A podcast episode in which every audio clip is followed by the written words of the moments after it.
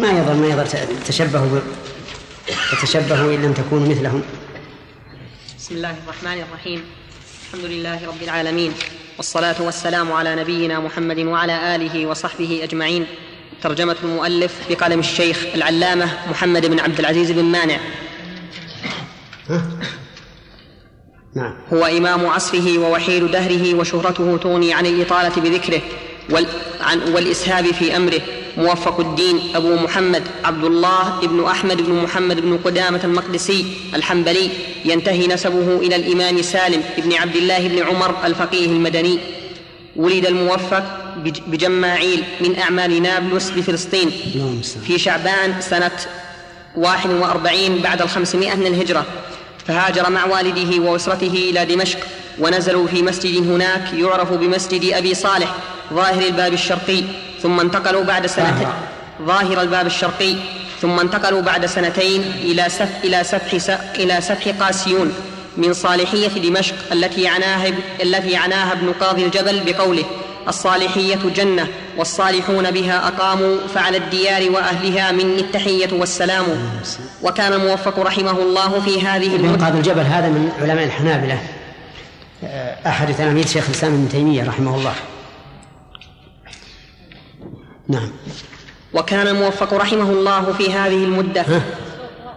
أيهن هو الظاهر من المفصولات نعم. إي نعم. نعم. وكان الموفق رحمه الله في هذه المدة مشتغلا بحفظ القرآن. زان يا شاكر. ومبادئ العلوم ومتون, ومتون فقه المذهب. ومنها مختصر الإمام أبي, أبي القاسم. عمر بن الحسين.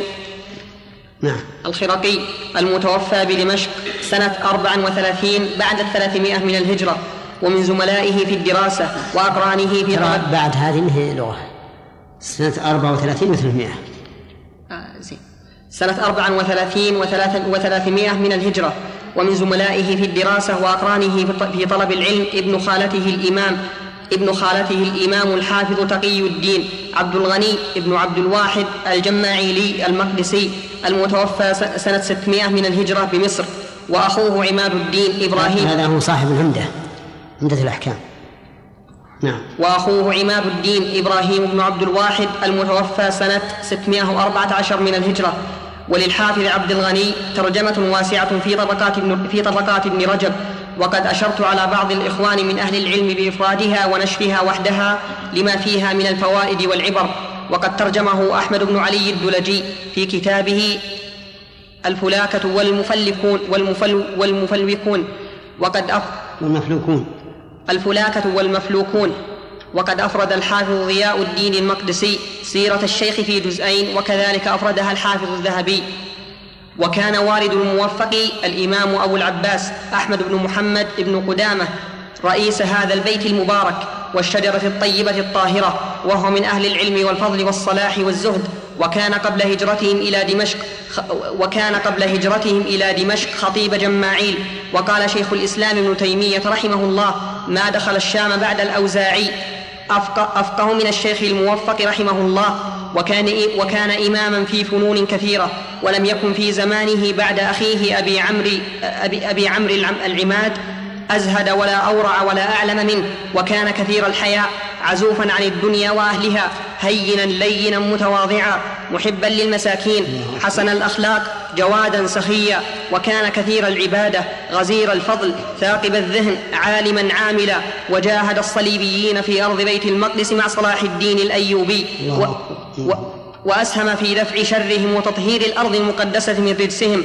رد الله المسلمين إلى دينهم ليردوا فلسطين إلى حوزتهم ويطهروا أرضها من رجس اليهود المجرمين. ثم إن ثم إن الإمام الموفق جد, جد ثم إن الإمام الموفق جد واجتهد في طلب العلم والأخذ عن مشايخ الشام حتى بلغ نحو العشرين من عمره فسافر, فسافر إلى بغداد مدينة السلام وموطن الأئمة الكرام والعلماء الأعلام لطلب العلم الشريف وصحبه في هذه الرحلة الإمام الحافظ عبد الغني فنزل في مدرسة الإمام العبد الصالح الشيخ عبد القادر الجيلاني فلقي منه غاية الإكرام والعناية التامة في التعليم والتفهيم ولكنه رضي الله عنه وأرضاه مات سنة 561 من الهجرة فلم يدرك من أيامه سوى القليل وكان الموفق يقرأ على الشيخ عبد القادر في متن أبي القاسم الخرقي والحافظ والحافظ يقرأ في الهداية لأبي الخطاب محفوظ بن أحمد الكلوذاني تلميذ تلميذ القاضي أبي يعلى وشيخ الشيخ عبد القادر المتوفى سنة 561 من الهجرة. بس بس. يقول من زملائه الدراسة وأقرانه يطلع من ابن خالته الحافظ. نعم. عبد الغني ابن عبد الواحد الجماعي المتوفى سنة 600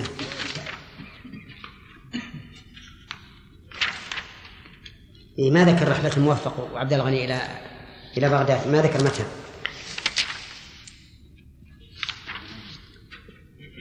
الآن اللي فهمنا إن صح نعم. موتة عبد الغني قبل موتة عبد القادر. ها؟ من؟ من؟ الموفق. هي لا. شوف الآن عندكم في الصفحة. يا. في صفحة ياء. أن من زملائه في الدراسة وأقران في طلب العلم ابن خالة الإمام الحافظ تقي الدين عبد الغني بن عبد الواحد. المتوفى سنة كم؟ 600 نعم. وعبد القادر مات سنة 561 اي يعني يعني عمر بعده 40 سنة تقريبا. ماشي ما في شيء. وبعد موت الشيخ عبد القادر لزم الموفق بعد ذلك فقيه العراق ناصح الإسلام أبا الفتح نصر, نصر, بن, نصر بن فتيان الشهير بابن المني الذي جرد نفسه لنشر العلم وتخلى عن الدنيا ولذاتها فلم يلتفت إلى شيء نعم. إحنا نقرأه على مشايخنا ابن المنع لكن قلنا فيها نعم. نعم.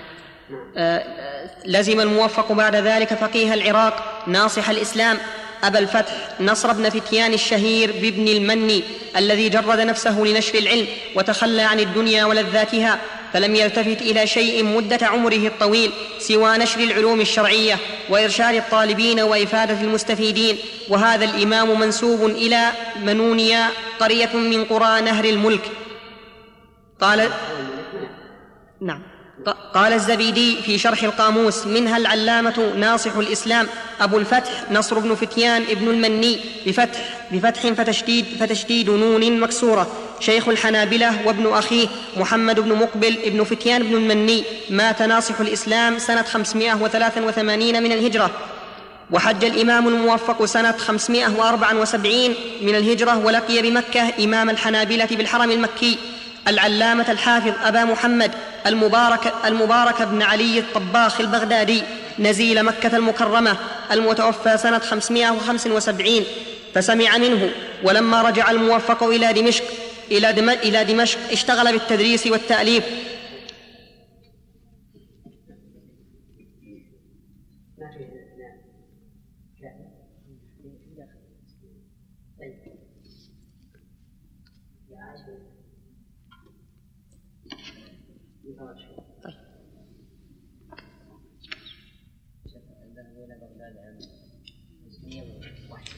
ومن لقيته؟ ها؟ لأنه ولد 541 إيه وسافر إلى بغداد عمره 20 سنة كم نسيت؟ 561 إيه؟ نفس السنة اللي توفي فيها أحسنت نعم نفس السنة اللي توفي فيها عبد القادر إيه؟ نعم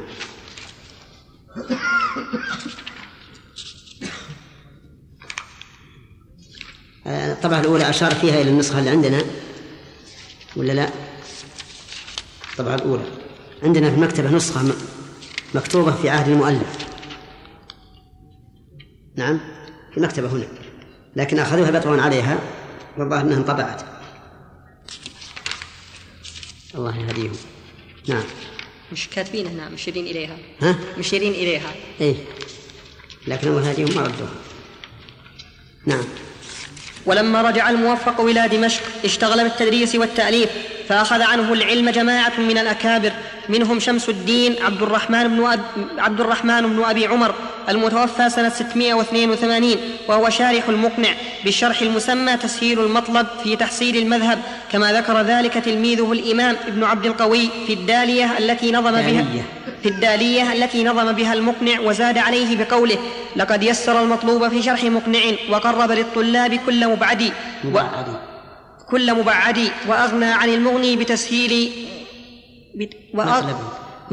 وأغنى عن المغني بتسهيل مطلبي لمن يبتغي تحصيل مذهب أح... تحصيل مذهب تحصيل مذهب أحمد وممن أخذ العلم عن هذا الكتاب يسمى الآن الشرح الكبير ولا يعرف إلا به وهو مطبوع مع المغني وقد ذكر رحمه الله في مقدمته أنه استأذن عمه الموفق في أن يضع علي على في أن يضع المغني على المقنع لأن المغني شرح للخرق والشرح الكبير الذي هو تسهيل المطلب شرح للمقنع الذي ألفه الموفق رحمه الله. فعندنا الآن متنان وشرحان. وشرحان. المتن الأول الخرقي. الخرقي وشرحه المغني. المغني والثاني المقنع وشرحه المطلب. الشرح الكبير. الشرح الكبير هو المغني نفسه. إلا أنه في بعض الأحيان ينقل عن بعض المتأخرين كصاحب المستوعب مثلا. هذا لا ما نقل عنه المغني وهذا أحيانا ينقل عنه. في الشرح الكبير نعم. وممن أخذ العلم عن الموفق الإمام عبد الرحمن بن إبراهيم ابن, ابن, ابن إبراهيم السعدي المتوفى سنة 624 من الهجرة وهو شارح عمدة الفقه تأليف شيخه الموفق. وقال ابن رجب وكذلك العليمي. ويقال إنه شرح المقنع أيضا. قال العلامة شيخ الإسلام أحمد بن نصر أحمد بن نصر الله البغدادي ثم المصري وشر وشرحه للمقنع محقق وهو عندي في ثلاث مجلدات كبار. ذكر ذلك في مختصره لطبقات شيخه ابن رجب وهو موجود بخطه في دار الكتب المصرية. وكان الإمام الموفق حريصا على نشر المذهب وإحيائه. قال الإمام ناصح الدين أبو الفرج أبو الفرج الدمشقي عبد الرحمن بن ابن, نجم ابن عبد الوهاب الأنصاري الجزري السعدي العبادي الشيرازي المتوفى سنة 634 من الهجرة. قال كنت قدمت من إربل سنة وفاة سنة وفاة الموفق. فقال لي قد سررت قد سررت قد سررت بقدومك مخافة أن أموت وأنت غائب. فيقع فيقع وه- وهن في المذهب. وخ وخ خلف. وخلف بين أصحابنا. ونا وناصح الدين أبو الفرج أبو الفرج الدمشقي غير ناصح الدين أبي الفرج الحراني. وعصرهما واحد ووفاتهما متقاربة. فالحراني عبد القادر بن عبد القاهر بن أبي الفهم الحراني الفقيه الزاهد ناصح الدين. أبو الفرج آه، الفقيه, الفقيه الزاهد ناصح الدين أبو الفرج شيخ حران ومفتيها مات سنة 634 بحران. وقرأ أبو الفرج الحراني روضة الأصول على مؤلفها الموفق وكان يحفظ الرو- الروضة الفقهية كما ذكره ابن رجب في ترجمته وقال المرداوي في الإنصاف لم يعرف مؤلفها وقد رأيت نسخة من شرح الإقناع بقلم الشارح الشيخ منصور البهوتي وقد وقد كتب بقلمه, بقلمه أنها لنصر بن علي وكذلك رأيت نسخة قرئت على الشيخ منصور بقلم تلميذه من شرح المنتقى وبهامش الشرح أنها لنصر بن علي والظاهر والله أعلم أن مؤلفها من مشايخ حران. والموفق رحمه الله لما استقر بدمشق بدمشق أقبل بجد واجتهاد واجتهاد على نشر العلم تدريسا وتأليفا في فنون كثيرة فمن مؤلفاته في الفقه العمدة وهو متن مبارك ذكر فيه من المسائل ما ترجح عنده في المذهب وعمدة الحازم مخت... وعمدة الحازم مختصر الهداية والمقنع والكافي والمغني. والمغني شرح الخرقي وله غير ذلك. ومن, ومن أنفع مؤلفاته وأكثرها فائدة بعد المغني كتابه الكافي الذي نقدمه للقراء لسهولة لفظه ووضوح معناه وكثرة مسائله. ولهذا أخذ العلامة ابن عبيدان. ثلاث مسائل ثلاث علل. سهولة لفظه وضوح معناه وكثرة مسائله في في هذا الكتاب الكافي. الذي سنقرأه إن شاء الله. نعم. ولهذا أخذ العلامة ابن عبيدان المسائل الزائدة منه على المقنع في مؤلف خاص جمع فيه زوائد الكافي والمحرر على المقنع وابن عبد القوي أخذ بعض, زي أخذ بعض زياداته على المقنع في نظمه المقنع كما قال وشيئا من الكافي الكفيل ببغيتي وشيئا من المغني المحيط بمقصدي وقال الصرصري وقال الصرصري كفى الخلق بالكافي وأقنع طالبا بمقنع فقه عن كتاب مطول ولما نظم حسان السنة الإمام يحيى الصرصري المتوفى سنة 656 متن الخرقي أعقب ذلك ابن عبد القوي رحمه الله له منظومة في الفقه. حوالي أربعة عشر ألف. نظمها في حوالي ست سنين أظن لكنه كان فقيرا رحمه الله. فيوما يخرج إلى البر يحتطب. ويبيع الحطب ويوم يبقى ينظم وليس نظما على ما يريد نظما لكتب معينة في, في, في, كتب الحنابلة. يحتاج إلى مراجعة يراجعها ثم يحتاج إلى صياغة يسوقها على النظم. وهذا يدل على عناية العلماء ولا سيما في ذلك العصر في العلم وحرصهم عليه. نحن الواحد منا يجلس على كنب ينام على فراش لين والكهرباء عنده كالنهار والطعام متيسر والثياب متيسرة ومع ذلك ما هنا حصيل. الحصيل قليل. يعني والسبب في ذلك والعلم عند الله هو أن الإنسان إذا لم يجد بإخلاص لم يجد له في في سعيه بركة. لقول الله تعالى ولا تطع من أغفلنا قلبه عن ذكرنا واتبع هواه. وكان أمره فرطا. فلو أن الإنسان أبقى قلبه معلقا بربه عز وجل لوجد خيرا كثيرا ويسر الله له الأمر وحفظ عليه ما- حفظ حتى يصبح أمثال هؤلاء. نحن إذا رأينا مثل هؤلاء تراجمهم حقرنا أنفسنا وأننا لسنا من من- منهم لا بقليل ولا بكثير إلا أن يتغمدنا الله برحمته. الله المستعان. نعم. وأعقب ذلك بمنظومة ولما نظم ولما نظم حسان السنة الإمام يحيى الصرصري المتوفى سنة 656 من الهجرة متن الخرقي أعقب ذلك بمنظومة أسماها واسط أسماها واسطة العقد الثمين وعمدة الحافظ الأمين وق... عمدة. وعمدة الحافظ الأمين وقال في خاتمتها فخذها هداك الله أخذ موفقي. نعم. كيف؟ حسان. لا حسان. هو يسمى حسان على حسان بن ثابت لأنه كان ناظما جيدا شاعرا. نعم. فخذها هداك الله هداك الله أخذ موفقي لغر الم... موفق. فخذها هداك الله أخذ موفق لغر المعاني حافظ متشدد مسائل فقه واضحات لناشد بأبيات شعر رائقات لمنشد وعدتها ألفان كن خير كن خير. وعدتها ألفان كن خير آلف لها تحم لها تحمد الآثار لها الآثار. لها تحمد الآثار منها وتحمد تخيرتها مما تحمدي نعم. وعدتها ألفان كن خير آلف. لها تح لها تح لها تحمل الآثار تحمد الآثار. سم. تحمد الآثار. لها تحمد الآثار تحمد الآثار. لها تحمد الآثار منها وتحمدي تخيرتها مما حوى ابن قدامة. موف موف مما. آه، تخيرتها مما حوى ابن قدامة الموفق الموفق في الكافي. تخي تخير مقتدي. خيرا تخيرتها مما حوى ابن قدامة. قدامة قدامة الموافق تخيرتها مما حوى ابن قدامة الموفق في الكافي تخير مقتد. تخي... تخير مقتدي هما لقبا صدق له ولجمعه. بتوفيقه تكفى الضلال وتهتدي. فهذه وما ألفت من قبلها إذا حفظتهما حفظ اللبيب المجود. وطارحت أهل البحث من فقهائنا بما حوت الثنتان ترشد وتر... ترشد ترشد وترشد وترشدي. ترشد الظاهر هي إحنا ترشد وترشدي. وترشدي. ترشد وتر وترشدي. ترشد ترشد. وترشدي وطارحت أهل البحث من فقهائنا بما حوت الثنتان ترشد وتر وت- وترشدي ما وترشدي. وقد خرج أحاديث الكافي الإما- الإمام الحافظ ضياء الدين محمد بن عبد الواحد مؤلف المختارة المتوفى سنة 643 من الهجرة. وقد ذكر ابن اللحام في القواعد الأصولية الفقهية في مسألة بيع العرايا بشروطها.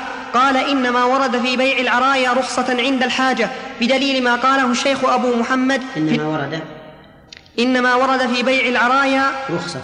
رخصة عند الحاجة بدليل ما قاله الشيخ أبو محمد في الكافي أن محمود بن لبيد قال قلت لزيد بن ثابت ما عراياكم هذه؟ فسمى رجالا محتاجين من الأنصار شكوا إلى رسول الله صلى الله عليه وسلم أن الرطب يأتي ولا نقد بأيديهم يتبايعون به رطبا يأكل ولا نقد بأيديهم يتبايعون به رطبا يأكلونه. وعندهم فضول من التمر. فرخص لهم أن يبتاعوا العرية بخرصها من التمر يأكلونه رطبا, رطبا. وعزاه الشيخ أبو محمد في الكافي إلى الصحيحين. قلت قال الإمام ابن عبد الهادي في كتابه التنقيح عن عزو الشيخ في الكافي الحديث إلى الصحيحين هذا وهم فإن الحديث ليس في الصحيحين ولا في السنن وليس لمحمود بن لبيد. رواية في شيء من الكتب الستة بل وليس هذا بل وليس هذا الحديث في مسند الإمام أحمد ولا السنن الكبرى للبيهقي وأطال الكلام بهذا الشأن. والعجب أن المتأخرين من علمائنا أوردوا هذا الحديث من رواية محمود بن لبيد منسوبا إلى الصحيحين كالشيخ منصور في شرحيه للمنتهى والإقناع وابن العماد في شرح منتهى المنت في, مت في شرح متن المنتهى والرحيباني في شرح الغاية لكنه ولكنه لم يعزه إلى الصحيحين. قلت الوهم المذكور كون الحديث من رواية محمود بن لبيد وهو من صغار الصحابة رضي الله عنهم. أما متن الحديث فهو مشهور عند العلماء. وبما أن كتاب الكافي هو الكتاب الوحيد في جميع المسائل وسهولة فهمها أقبل الناس عليه حفظا وتدريسا. وكتابة فقد أمر صاحب السمو الشيخ علي بن الشيخ عبد الله بن قاسم آل ثاني حفظه الله.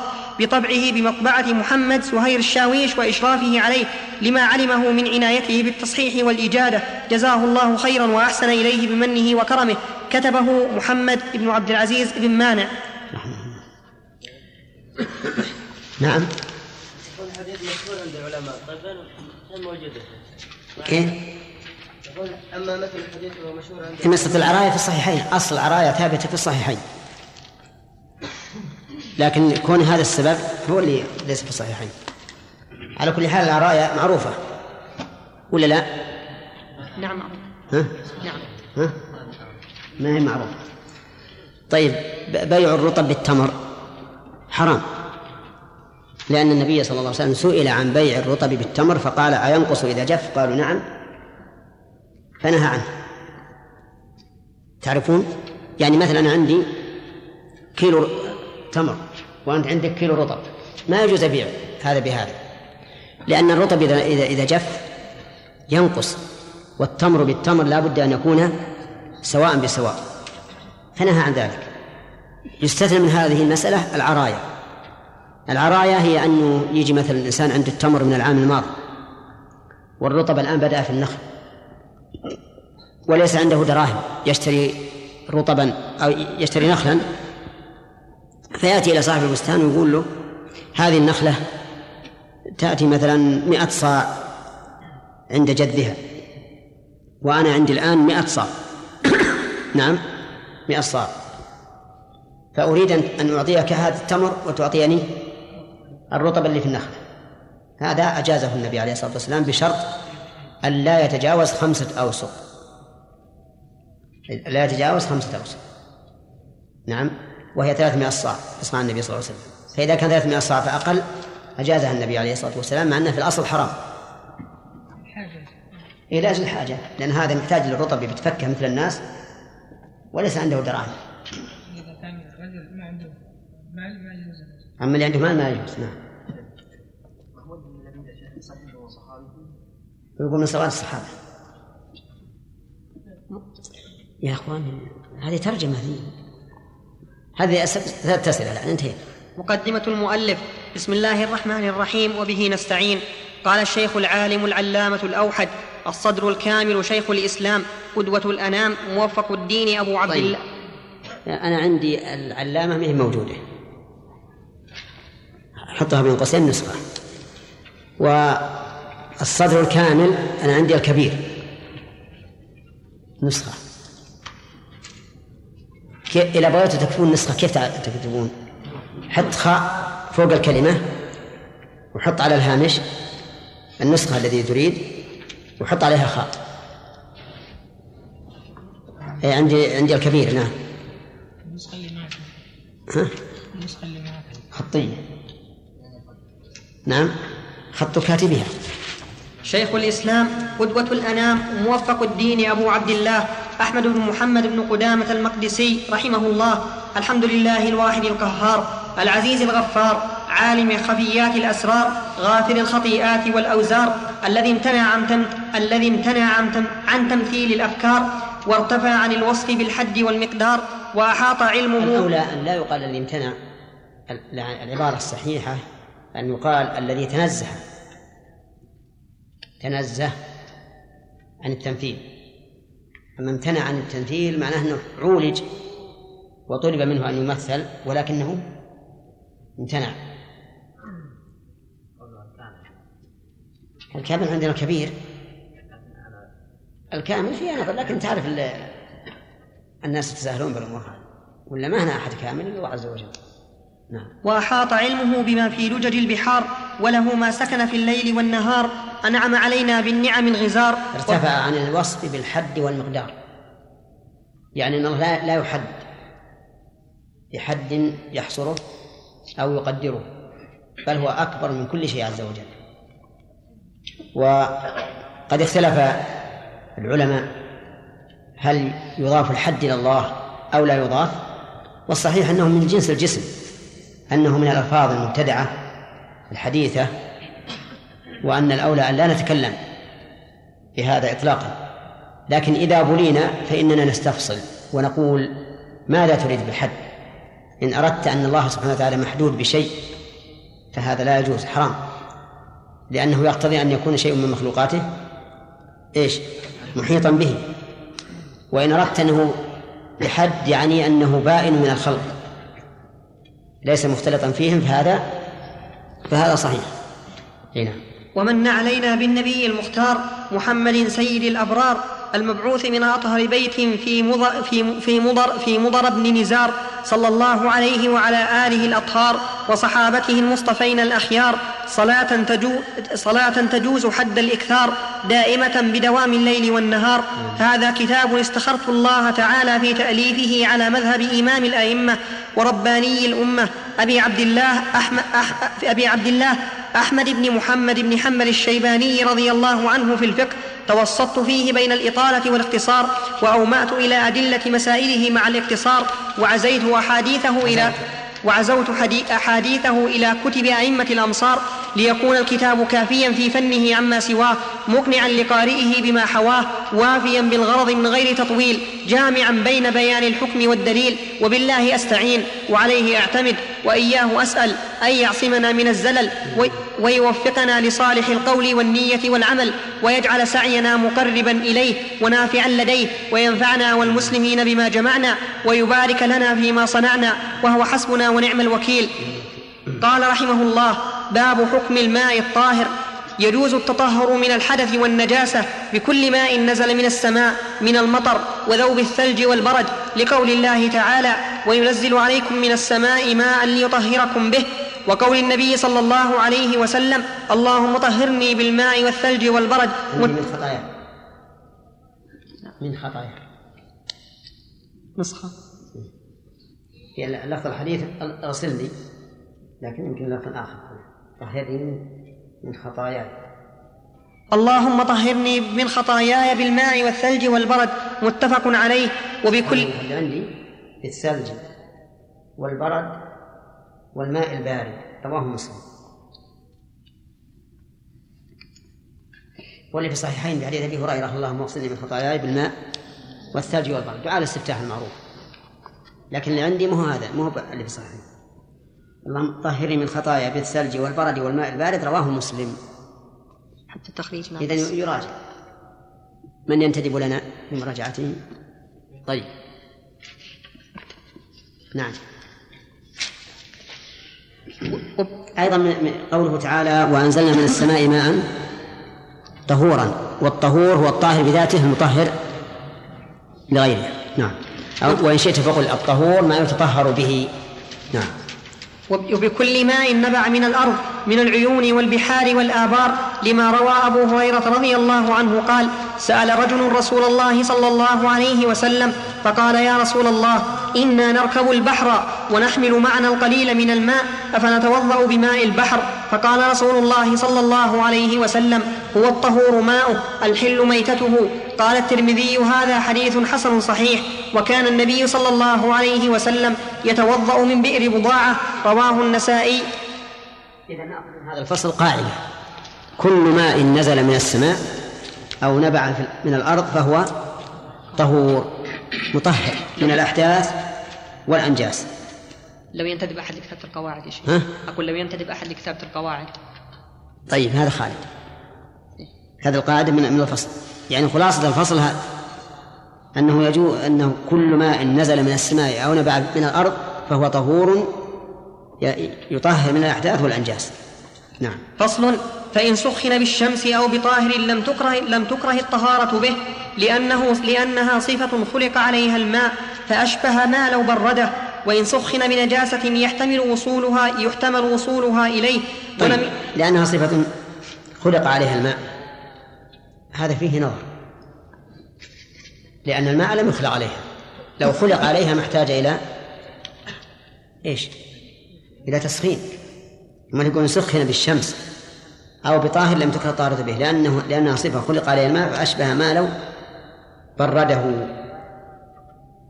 فيقال إنه لم يخلق عليها. نعم. واضح؟ لأنه سخن. أما سخن بالشمس واضح. بطاهر مثل الحطب روث الإبل روث الحمير ها؟ لا. نعم. لأن روث الحمير نجس. طيب. نعم. الغاز والغاز. صح. وإن سخن بنجاسة يحتمل وصولها إليه ولم يتحقق فهو طاهر لأن الأصل طهارته فلا تزول بالشك. ويكره استعماله لاحتمال النجاسة. وذكر أبو الخطاب رواية أخرى أنه لا يكره لأن الأصل عدم الكراهة. نعم. والراجح أنه لا يكره. الراجح أنه لا يكره التطهر به.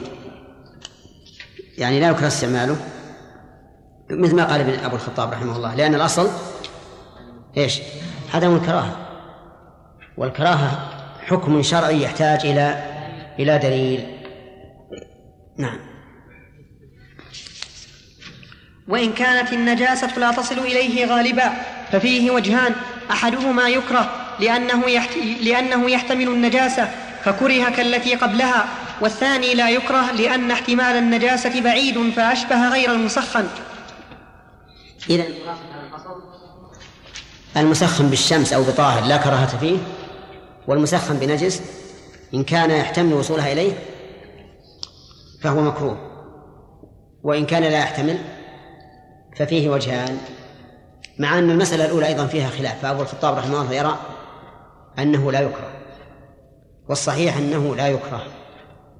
إذا الفصل هذا يعني فيه مسألتان. المسألة إذا سخ المسألة الأولى إذا سخن بطاهر أو بالشمس فهذا طهور غير مكروه. قولا واحدا. إذا إذا سخن بنجس ففيه خلاف. سواء احتمل وصول النجاسة إليه أم لم يحتمل والصحيح أنه لا يكره. نعم. فصل وإن خالط الماء طاهر لم يغيره. لم يمنع لم لم يمنع الطهارة به لم يمنع الطهارة به لأن النبي صلى الله عليه وسلم اغتسل هو وزوجته من قصعة واحدة فيها أثر العجين رواه النسائي وابن ماجه والأثرم لأن الماء باق على إطلاقه. ولأن ولأن فهو ولأن الماء باق على إطلاقه. فإن كان معه ماء يكفيه لطهارته فزاده مائعا لم يغيره ثم تطهر به صح لما ذكرنا وإن كان الماء لا يكفيه لطهارته فكذلك لأن المائع.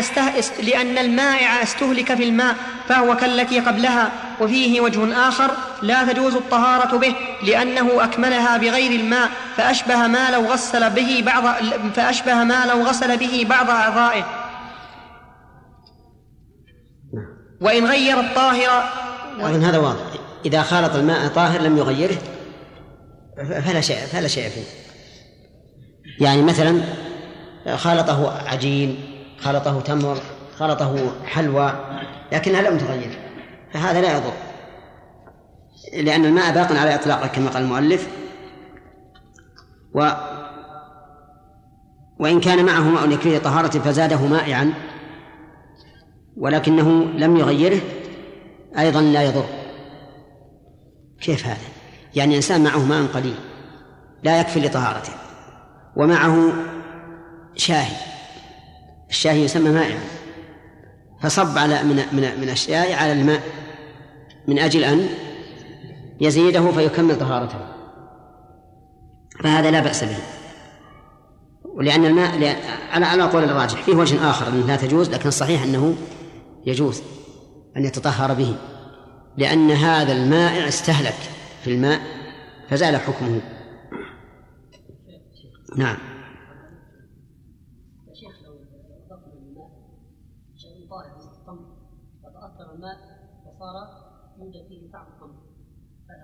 بيجينا إن شاء الله. هذا وإن غير الطاهر صفة الماء لم يخلو من أوجه أربعة أحدها. عندنا من أربعة أوجه.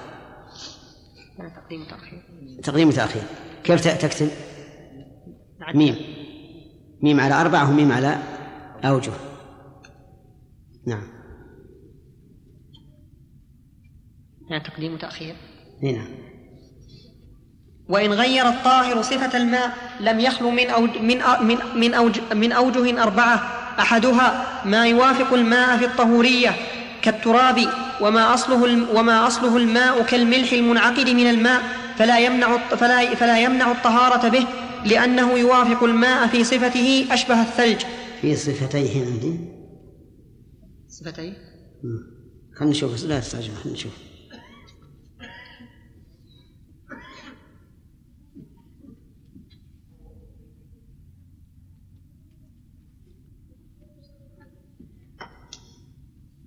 حطوها نسخة.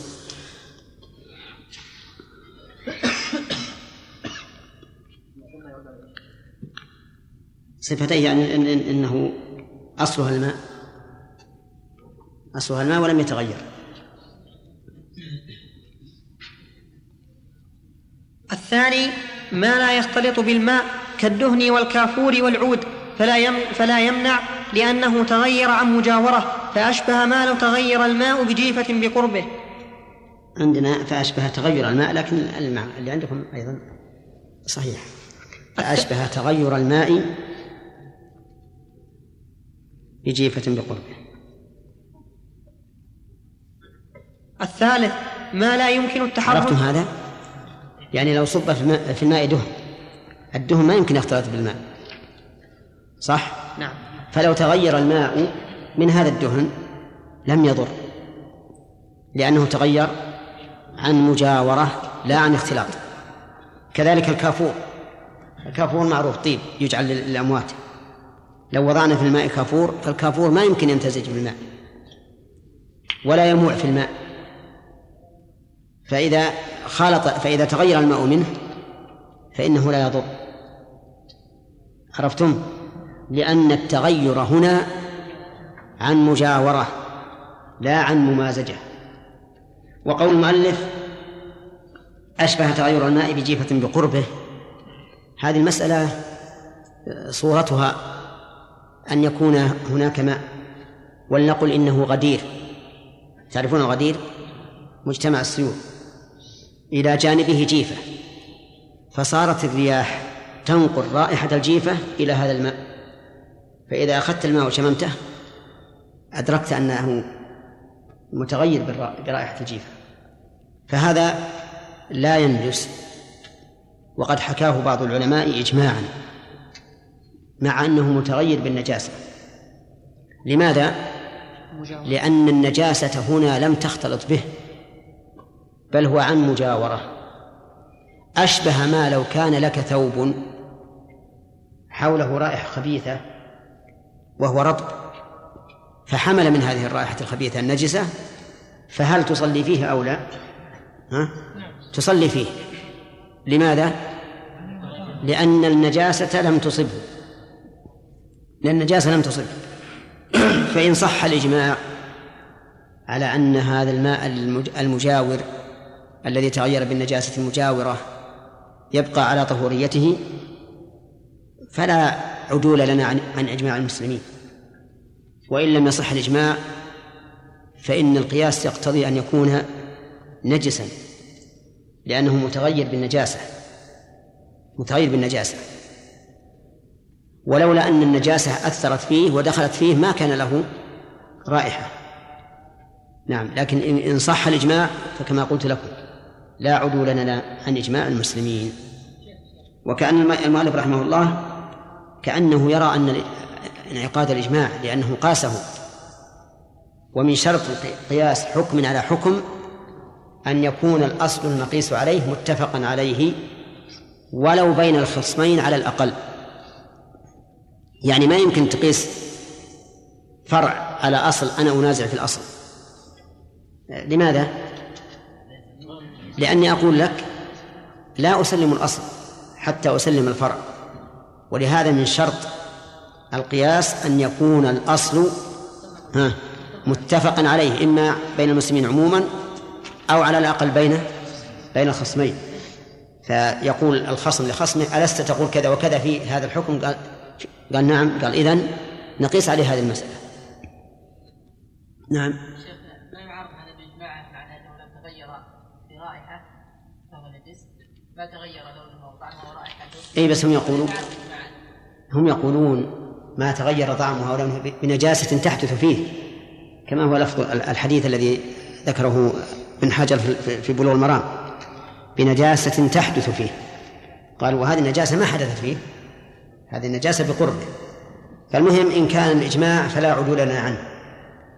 ولا يسوغ أن نخرج عن إجماع المسلمين. إن كان ما في إجماع فالقول قول من يقول إنه ينجس. لأن هذا الماء خبيث. هنا. نعم. فلا يمنع تغير فلا يمنع إيه ما, يمنع الطهارة به. نحن يا شيخ. نقول هنا يشق التحرز العله لذلك يشق التحرز أي. الجيفة إيه. بجوار الغدير لا ما هو ما هو بشرط الجيفة تنقل. ترى نقول يا شيخ طيب وقياس الدهن ها؟ الدهن هذا ينقل؟ لا لا هو هو لو أصاب ما يضر لأنه عن غير مجاور. أي إيش؟ هذه اللي هذه مسألة. أقول إن العلماء قالوا إذا تغير الماء بجيفة إلى إلى قربه فإنه طهور. ولا يضر هذا التغير لأنها لم تمازجه. وبعض العلماء حكاه إجماعا قال إن العلماء أجمعوا على أن الماء إذا تغير بمجاورة الميتة فإنه طهور. أقول إن صح هذا الإجماع فلا لنا عدول عنه. ما يمكن نقول الصحيح خلاف إذا لم يصح وقال بعض العلماء مثلا إنه نجس فالقول هذا القول يعني هو الراجح. لكن إلى الآن ما وجدنا قولا. إن وجدتم قولا فأسعفونا به. نعم. حكمنا بنجاسته هل يعدل؟ أي نعم معلوم. اذا اذا إذا حكمنا بنجاسته ولم يمكن تطهيره. فإن أمكن تطهيره بأن يحمل ويبعد عن المكان هذا وتزول رائحته نعم. خلاص الوقت وانتهى. بس نبي واحد نخطه طيب. خالد خالد ما معه نسخة الظاهر إيه، ما معك نسخة؟ وخطك. زين خذ هذه بحقها أجل. يعني إنك ما يفرق شيء بالتصحيح. حسب ما حسب ما يكون.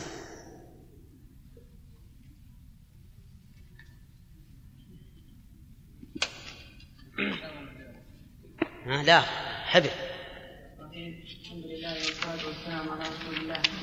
روى مسلم في كتاب الصلاة. في باب ما يقول إذا رفع رأسه من الركوع قال حدثني محمد بن المثنى وابن بشار. قال ابن المثنى قال ابن المثنى حدثنا محمد بن جعفر حدثنا شعبة عن- محزأة بن زاهر. قال سمعت عبد- الله بن أوفى. عبد عبد الله. عبد الله بن أوف أبي أوفى يحدث عن النبي صلى الله عليه وسلم أنه كان يقول اللهم لك الحمد ملء ملء السماوات ملء ملء ملء. ملء. ملء السماوات وملء الأرض وملء ما شئت من شيء بعد. اللهم طهرني بالثلج والبرد والماء البارد. اللهم طهرني من الذنوب والخطايا كما ينقى الثوب الأبيض من الوسخ. وسخ من الوسخ. من الوسخ. رواه مسلم والترمذي وأحمد. إيه.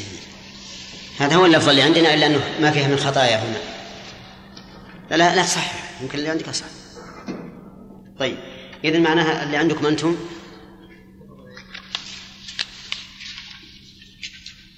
اللهم اغسلني عندكم. طهرني. طهرني من؟ طهرني بالماء والثلج والبرد. طهرني بالماء والثلج والبرد. رواه مسلم ولا متفق عليه؟ متفق عليه. إيه. نعم. اللي في دعاء الاستفتاح؟ مو على على الوضع على اللي عندي هذا. اللهم طهرني من خطاياي بالثلج والبرد والماء البارد رواه مسلم. فاللي عندي أقرب للحديث اللي في مسلم. نعم. ورواه مسلم فقط اللي عندي رواه مسلم فقط. يعني متفق عليه الفتح لا بس يمكن لفظ آخر. لأن اللي حديث أبي هريرة لما سأل النبي صلى الله عليه وسلم ما يقول في الاستفتاح كان فيها اللهم اغسلني من خطاياي بالماء والثلج والبرد. وعندكم أنتم يختلف اللفظ. يمكن اختلاف الفاظ الظاهر. نعم. ما تحقق وهو ينبغي أن يتحقق من البخاري. من دعاء الاستفتاح. هنا تفضل. الحمد لله رب العالمين والصلاة والسلام على عندنا صوت حنين هذا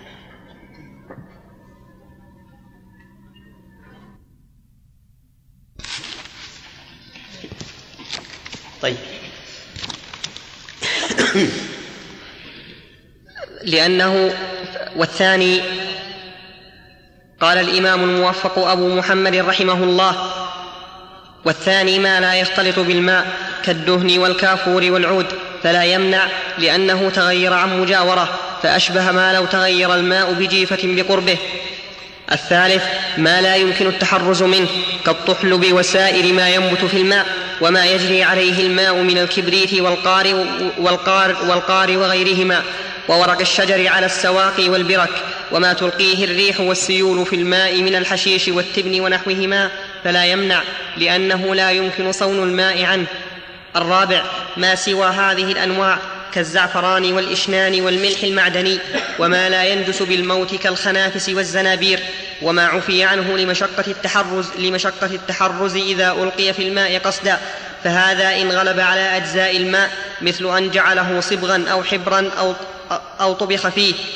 سلبه, الطهو سلبه, الط... سلبه الطهورية بغير خلاف لأنه زال اسم الماء فأشبه الخل.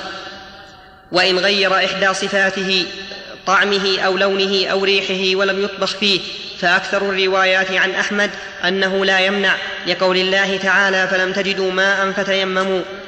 ولأنه خالطه طاهر لم لم يسلبه اسمه لم يسلبه اسمه ولا رقته ولا جريانه أشبه سائر الأنواع وعنه لا يجوز الطهارة به لأنه سلب سلب إطلاق اسم الماء أشبه, أشبه ماء الباقلاء المغلي.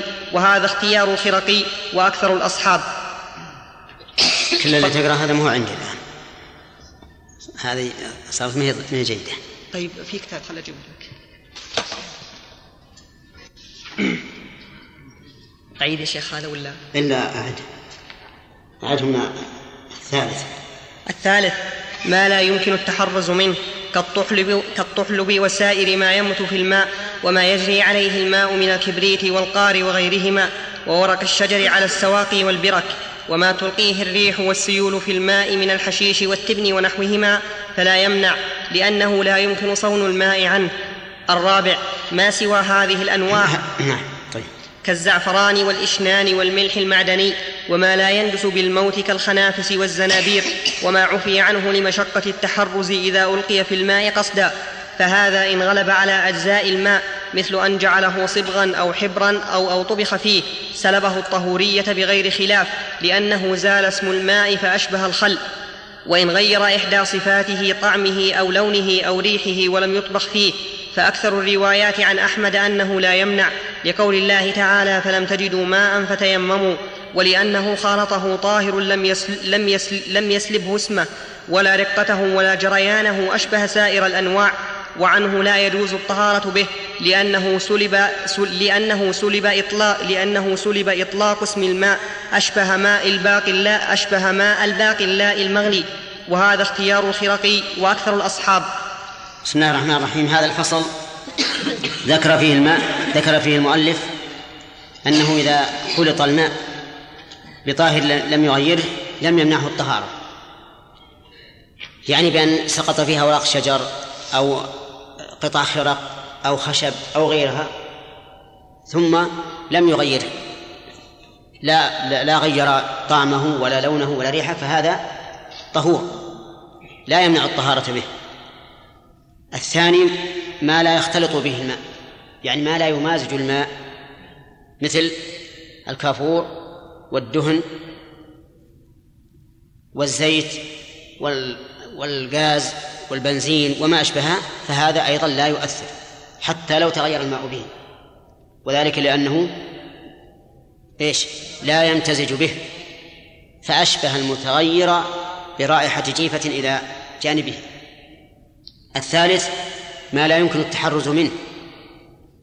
مثل الطحلب. الطحلب هذا الذي يكون على ظهر الماء أخضر أو يكون أيضا في في الأرض. كالنبات أو كذلك بعض بعض البرك يخرج فيها شيء يسمى السعد نوع من النبات أو التراب الذي تحمله الريح أو أوراق الشجر. المهم كل شيء لا يمكن التحرز منه هذا أيضا لا يضر حتى لو تغير طعم الماء ولونه وريحه الرابع ما يتغير به الماء. ولا يشق صون الماء عنه ويمتزج بالماء فهذا إذا غير الماء فيه فيه روايتان عن أحمد. الأولى أنه طاهر غير مطهر والثاني أنه طهور والصحيح أنه طهور وهذا ظاهر كلام الموفق رحمه الله لأنه قدمه قال وإن غير إحدى صفاته لم يمنع لم يسلبه لم يسلبه نعم. لم يمنع الطهارة به. وعنه لا تجوز الطهارة به. إذا ذكر المؤلف في هذا في هذا روايتين. وقدم إيش؟ قدم عدم سلبه الطهورية وأنه يجوز الطهارة به وهذا هو الصحيح. أما إذا طبخ فيه فإذا طبخ فيه فإنه ينتقل اسمه عن اسم الماء إلى اسم هذا المطبوخ فيه مثل المرق وشبهه أو الشاهي فهذا يسلبه الطهورية لأنه انتقل فالحاصل الآن أن أن الماء إذا اختلط بطاهر فإنه فإنه إذا تغير بطاهر أو إذا خلطه طاهر على الأصح فإنه ينقسم إلى أربعة أقسام. الأول ما لا يتغير به والثاني ما لا يمتزج به والثالث ما يشق صون الماء عنه والرابع ما عدا ذلك. الأقسام الثلاثة الأولى ما حكمها؟ لا لا يسبه الطهورية ولا يمنع الطهارة به. والرابع فيه روايتان عن الإمام أحمد إحداهما أنه لا يسلبه الطهورية وهذا هو الذي اختاره الموفق وهو الذي قدمه الموفق في هذا الكتاب وهو الصحيح.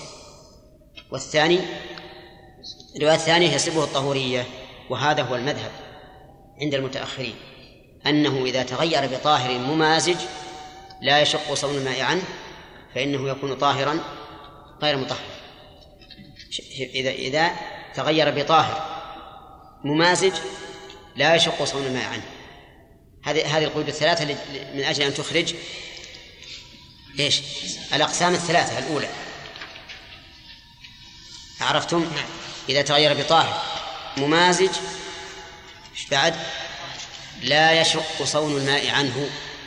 صار على المشهور من المذهب طاهرا غير مطهر وهو الرواية الثانية التي ذكرها الموفق. والصحيح أنه يكون طهورا وأن ذلك لا يمنع الطهارة به. نعم. يقول ما في سؤال؟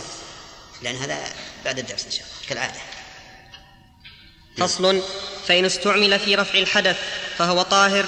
لأن النبي صلى الله عليه وسلم صب على جابر من وضوئه رواه البخاري ولأنه لم يصبه نجاسة فكان طاهرا. كالذي تبرد به. وهل تزول طهوريته فيه روايتان؟ أشهرهما زوالها لأنه زال عنه إطلاق اسم الماء أشبه المتغير بالزعفران. والثانية لا تزول لأنه استعمال لم يغير الماء أشبه التبرد به. وإن استعمل في طهارة مستحبة كالتجديد وغسل الجمعة والغسلة الثانية والثالثة فهو باق على إطلاقه لأنه لم يرفع حدثا ولم يزل, ولم يزل نجسا. وعنه أنه غير مطهر لأنه مستعمل في طهارة شرعية أشبه المستعمل في رفع الحدث. نعم. هذا انتقل المؤلف رحمه الله من الماء المتغير إلى الماء المستعمل.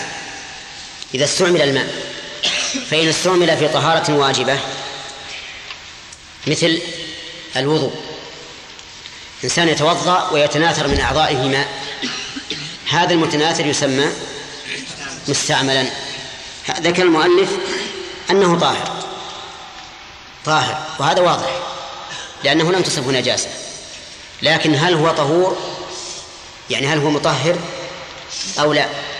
ذكر في ذلك روايتان. الأشهر من الروايتين أنه لا يطهر. والثانية أنه طهور يطهر. والصحيح أنه طهور يطهر. وما وقد علل وقد علل كونه طاهرا غير مطهر بما ذكر المؤلف. زال عنه إطلاق اسم الماء. وهذا غير مسلم. هل ما تناثر من أعضاء الوضوء أو من أعضاء أو من البدن بعد الغسل من الجنابة؟ هل زال عنه اسم الماء؟ أبدا هو ماء. لكن علله بعض العلماء بعلة أخرى. قال لأن هذا استعمل في طهارة واجبة. ف ف فكأنه ف نعم استعمل في طهارة واجبة فلا يعاد مرة أخرى كالعبد إذا أعتق فإنه لا يعتق مرة ثانية. وهذا القياس فيه فيه نظر. لأن العبد إذا أعتق صار صار حرا. ولا يمكن أن يسترق بعد ذلك. نعم لو فرض أنه ذهب إلى الكفار ثم قاتلنا الكفار ثم سبيناه مرة ثانية فحينئذ يرجع رقيقا. هذا الماء أيضا لما استعمل في الطهارة الواجبة نقول لم يزل اسم الماء عنه. بخلاف العبد فإنه عتق وصار حرا. فالقياس إذن ليس بصحيح. وعلى هذا فيكون القول الراجح في هذه في هذه المسألة أنه إذا استعمل في طهارة واجبة فإنه طهور مطهر. الثاني ما استعمل في طهارة مستحبة. فقدم المؤلف أنه باق على طهارته أنه طهور. مثال الطهارة المستحبة كتجديد الوضوء والطهارة لقراءة القرآن هذه مستحبة. غسل الجمعة على القول بأنه مستحب فيكون الماء طهورا مطهرا. والقول الثاني أنه الرواية الثانية أنه غير مطهر لأنه مستعمل في طهارة شرعية فأشبه المستعمل في طهارة واجبة. هذان نوعان من الاستعمال. الأول ما استعمل في طهارة واجبة والثاني ما استعمل في طهارة مستحبة والثالث سيأتينا ما استعمل في غسل النجاسة في الفصل الذي يأتي. فصل الراجح أنه طهور الراجح في, الكل في المسائل كلها.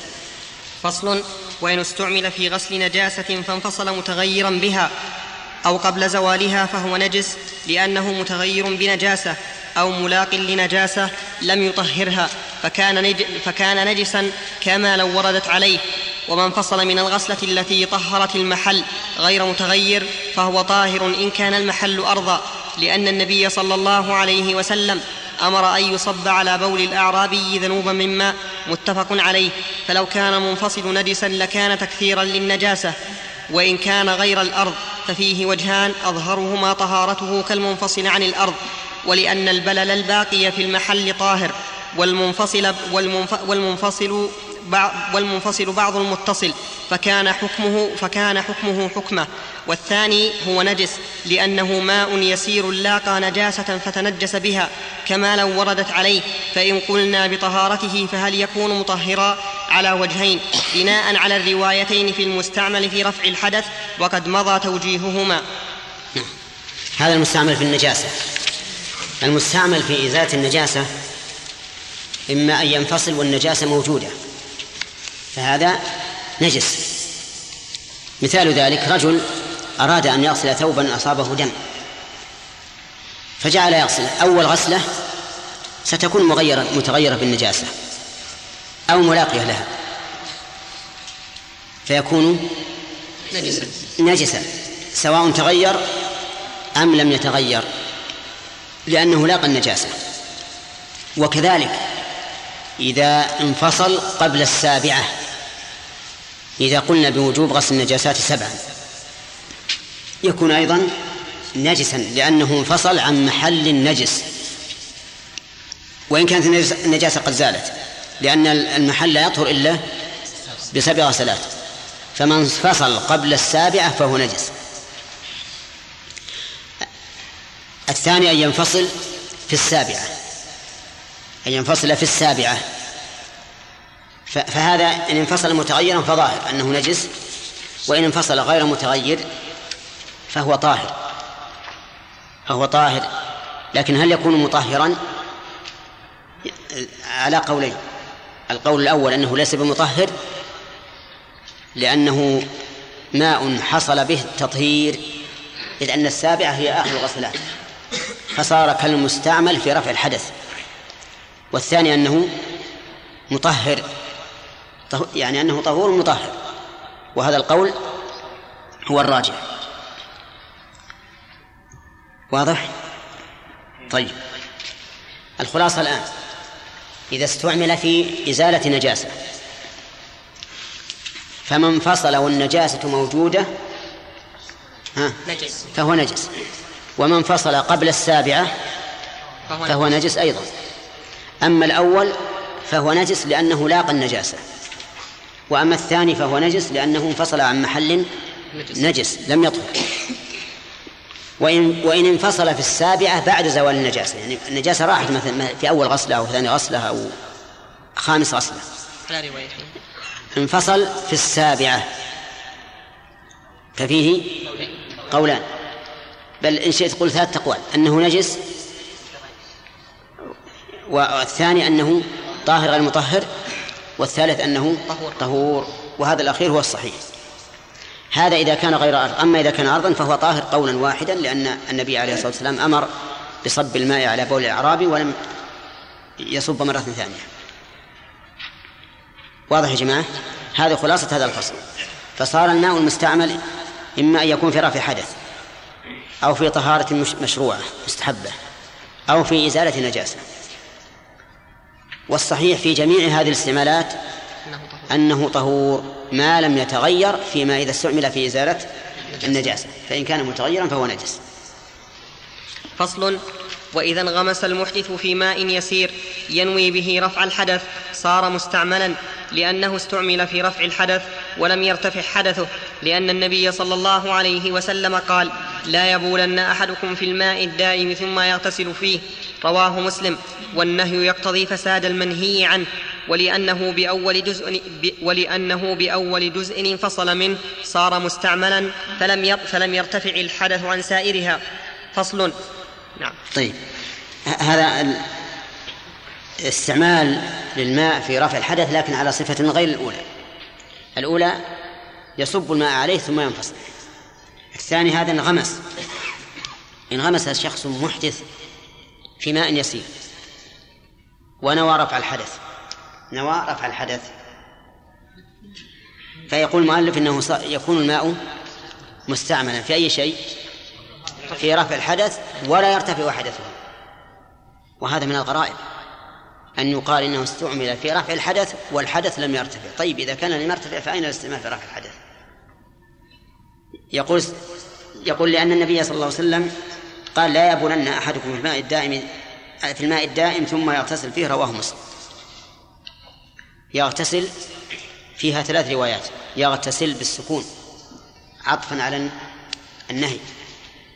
ويغتسل على الاستئناف. ويغتسل على أنها مثل مثل واو المعية.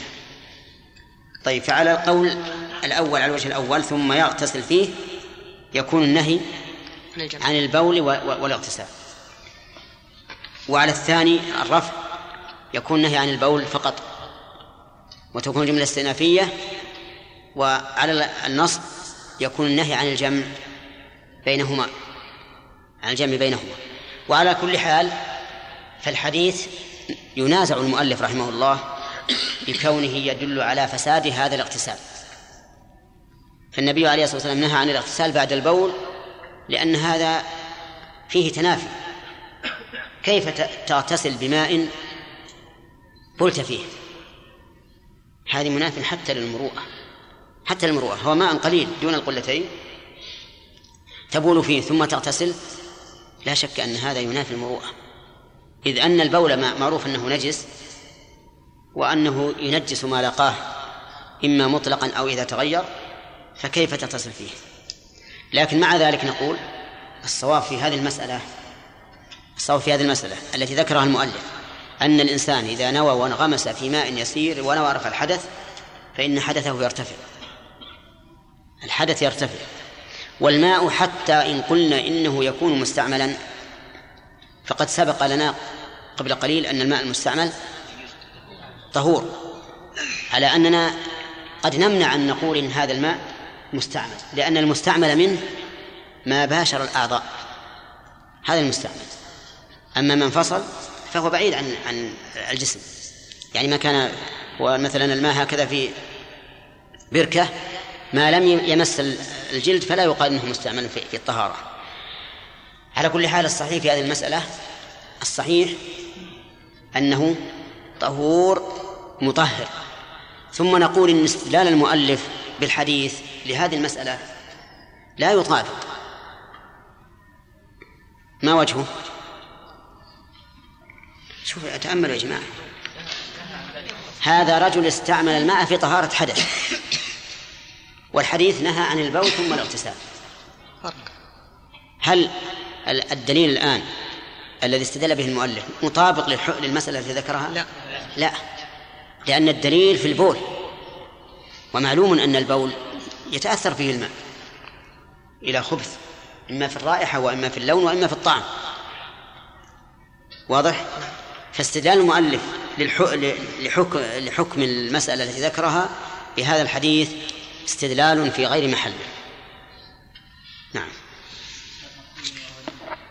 ها؟ شلون؟ لا يبولن أحدكم الماء الدائم لا عندنا ثم يغتسل فيه هذا الصواب مبين أسفل. نعم. مبين أسفل. ها؟ أسفل يقول في يقول في بعض الأصول الدائم ولا يغتسل فيه وهو جنوب لكن اللي عندنا الظاهر هو الصحيح. نعم. لا يقول في بعض الأصول وهو يقول في بعض الأصول النسخ يعني نسخ المؤلف. ما ما أحفظ هذا الماء الدائم؟ المعروف في الماء الدائم الذي لا يجري ثم يغتسل فيه. نعم.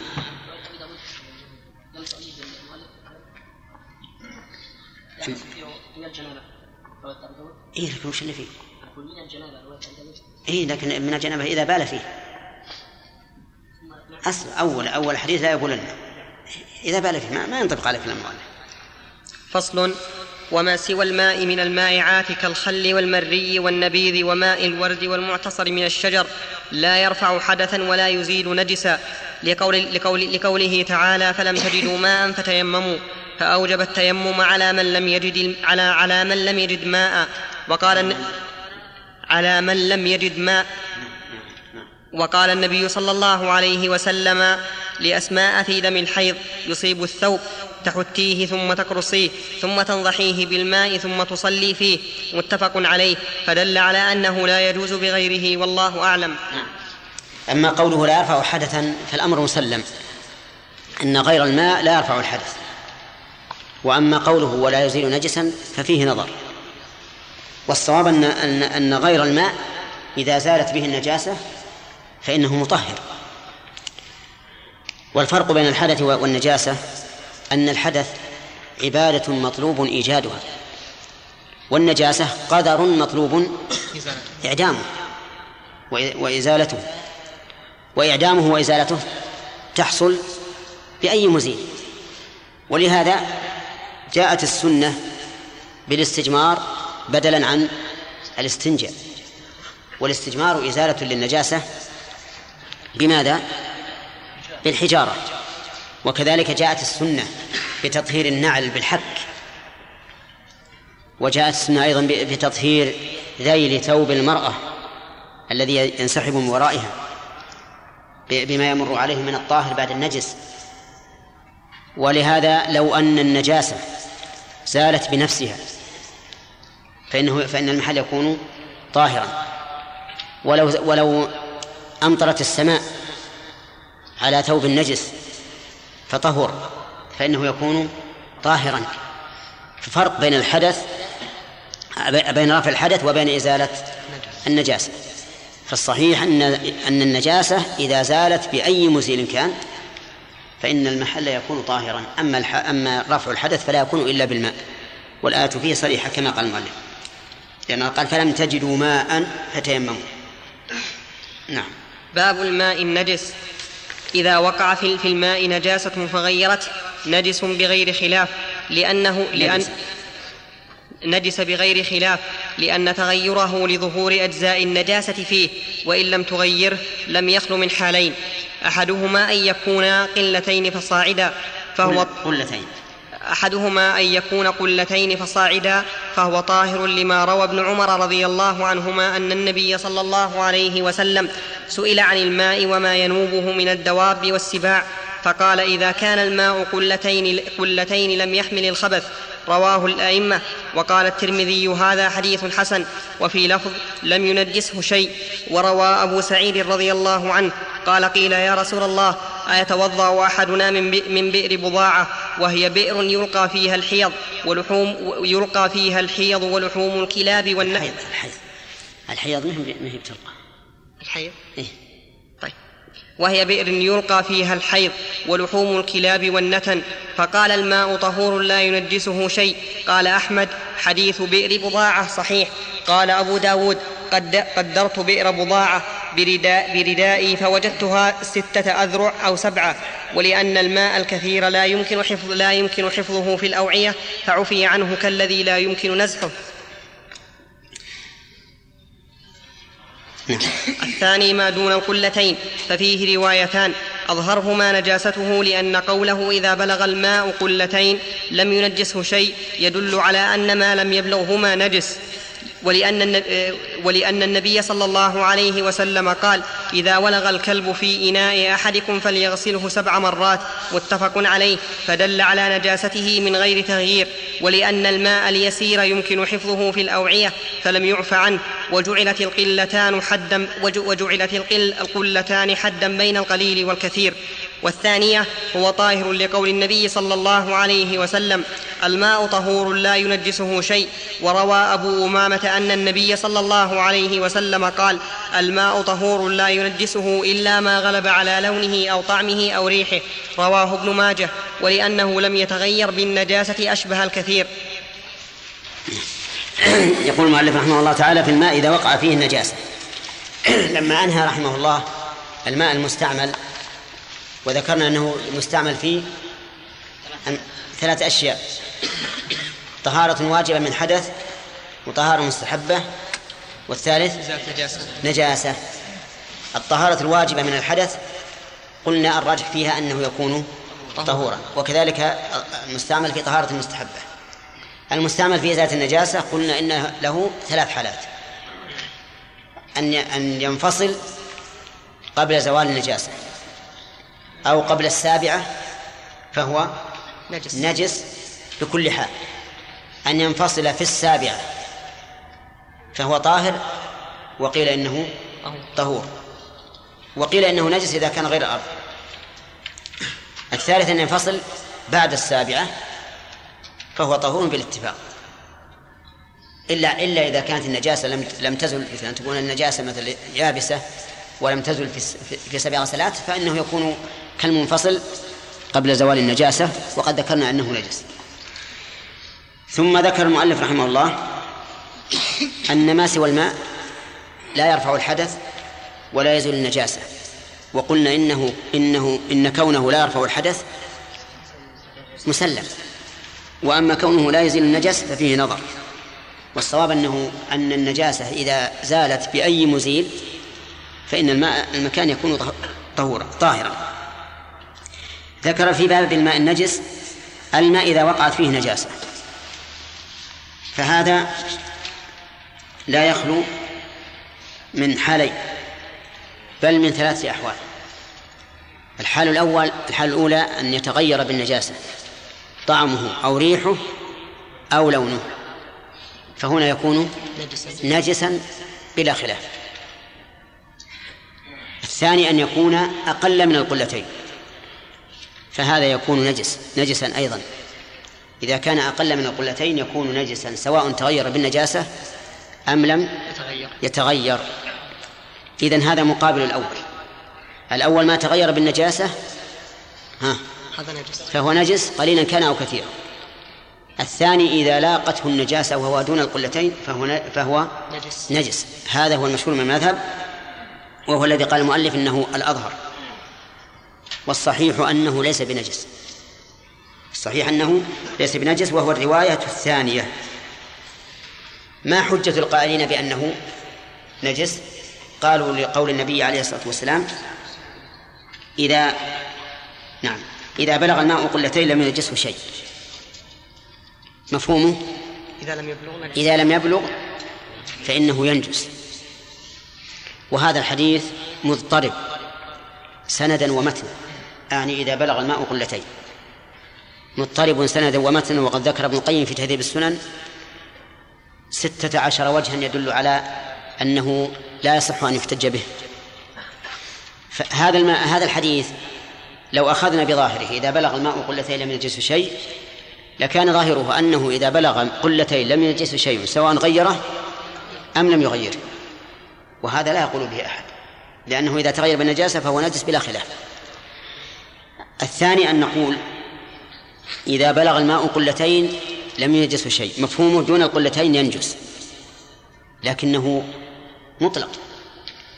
وحديث إن الماء لا ينجسه شيء إلا ما غلب على لونها أو طعمها وريحه مقيد.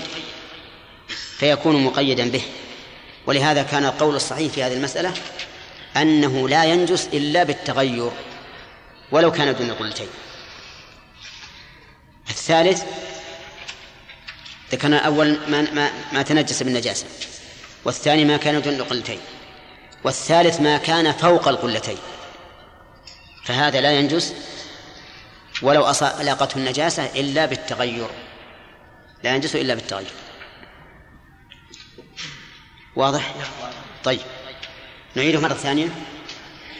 إذا وقع في الماء نجاسة فلا يخلو من ثلاث حالات. الأولى أن يتغير فهذا نجس. الثاني أن يكون فوق القلتين فهذا لا ليس بنجس ما لم يتغير. الثالث إذا كان دون القلتين ففيه روايتان عن أحمد. المشهور من المذهب أنه نجس. نجس والصحيح أنه ليس بنجس. صحيح أنه ليس بنجس. يحتاج نقول ما لم يتغير؟ لا. لأن قلنا بالأول إن المتغير نجس بكل حال. وكلامنا الآن فيما إذا لم يتغير. استدل المؤلف بقول النبي عليه الصلاة والسلام إذا ولغ الكلب في إناء أحدكم فليغسله سبع مرات. متفق عليه. وهذا ليس فيه دليل. لأن نجاسة الكلب ليست كغيره. وهنا قد يكون الأمر بالغسل ليس من أجل أنه نجس. ليس من, من, أجل أنه نجس ولكن من أجل ما يخشى من الضرر. ولهذا قال إحداها بالتراب. ول- ولا يوجد نظير لهذه النجاسة من النجاسات. وعلى كل حال الاستدلال بهذا الحديث فيه منازعة بمعنى أنه غير مسلم. نعم. فصل وفي قدر القلتين روايتان إحداهما أنها أربعمائة رطل بالعراقي لأنه روي عن ابن جريج ويحيى بن عقيل أن القلة تأخذ قربتين وقرب الحجاز كبار. تسع, تسع كل قربة مئة رطل فصارت القلتان بهذه المقدمات أربعمائة رطل. أربعة. أربعمائة رطل. والثانية هو خمس هو خمسمائة والثانية هما خمسمائة رطل لأنه يروى عن ابن جريج أنه طيب قال عندكم هما؟ نعم. إذن ال- الأول إحداهما أنها الصواب أنهما.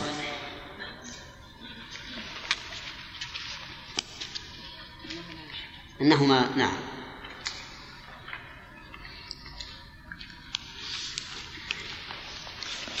والثانية هما خمسمائة, هما خمسمائة رطل لأنه يروى عن ابن جريج أنه قال رأيت رأيت قل رأيت قلال هجر. رأيت قلال هجر. فرأيت هجر. رأيت قلال هجر فرأيت القلة منها تسع قربتين أو قربتين وشيئا فالاحتياط أن يجعل الشيء نصفا فيكونان فيكونان خمس قرب وهل ذلك تحديد أو تقريب فيه وجهان؟ أظهرهما أنه تقريب فلو نقص رطل أو رطلان لم يؤثر لأن, لأن القربة إنما جعلت مئة رطل تقريبا والشيء إنما جعل نصفا احتياطا والغالب أنه يستعمل فيما دون النصف وهذا لا تحديد فيه. والثاني أنه تحديد فلو نقص شيئا يسيرا تنجس بالنجاسة لأنا جعلنا ذلك احتياطا وما وجب, بال وما, وما وجب الاحتياط به صار فرضا كغسل جزء من الرأس مع الوجه. طيب.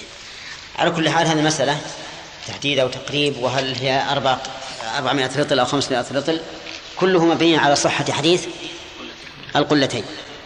فإذا لم نصحح وقلنا إن المدار على نجاسة الماء أي تغيره بالنجاسة فإننا نستريح من هذا الخلاف. نعم. فص- فصل. الخبث نعم. كل الق- حديث القلتين كله ضعيف. سواء قلنا لم يحمل الخبث سواء كان بلفظ لم يحمل الخبث أو لم ينجز فصل وجميع النجاسات في هذا سواء إلا, إلا بول الآدميين. وعذرتهم المائعة فإن أكثر الروايات عن أحمد أنها, أنها تنجس الماء الكثير. لقول النبي صلى الله عليه وسلم لا يبولن أحدكم في الماء الدائم الذي لا يجري ثم يغتسل منه. متفق عليه إلا أن يبلغ حدا لا يمكن نزحه كالغدران والمصانع التي بطريق مكة. فذلك الذي لا ينجسه شيء لأن نهي النبي صلى الله عليه وسلم عن البول في الماء الدائم ينصرف إلى ما كان بأرضه على عهده من آبار المدينة ونحوها. وعنه أنها أن وعنه أنه كسائر النجاسات لعموم الأحاديث التي